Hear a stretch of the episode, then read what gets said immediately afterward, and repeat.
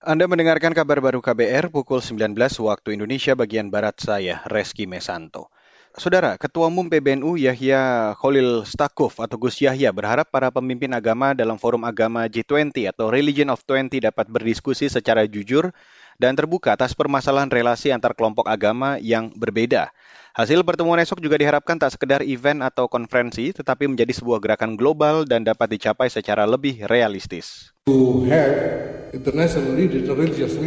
Agar para pemimpin agama internasional berkumpul dan melakukan percakapan yang jujur dan lugas mengenai dua topik mendasar, sehingga gerakan ini dapat dilihat sebagai sesuatu yang signifikan dalam dinamika global dan dapat membangkitkan harapan bagi penganut berbagai agama dan untuk seluruh umat manusia. Ketua Umum PBNU Gus Yahya menyebut para pemuka agama perlu membahas topik mendasar terkait problematika relasi komunal antara kelompok agama yang berbeda. Selain itu, para pemuka agama harus bisa mengembangkan visi tentang agama yang dapat menjadi sumber solusi atas berbagai permasalahan global dengan menanamkan nilai-nilai luhur dan spiritual. Religion of 20 atau R20 akan berlangsung pada 2 hingga 3 November 2022 di Nusa Dua, Bali.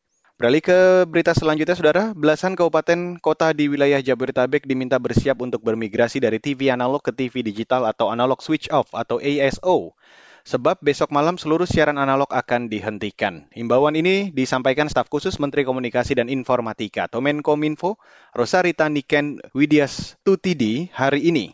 Untuk besok malam, jadi tanggal 2 November pukul 24, ini yang akan ditutup adalah 14 kabupaten kota di Jabodetabek.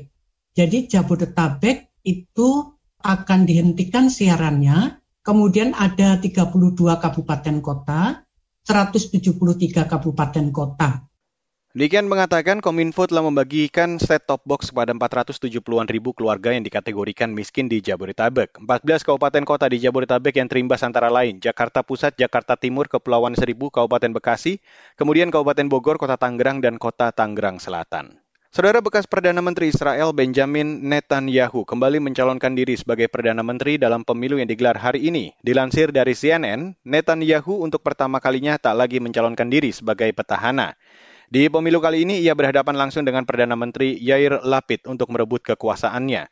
Meski begitu, jajak pendapat terakhir memprediksi blok Netanyahu bakal kekurangan satu kursi dari pesaingnya di parlemen.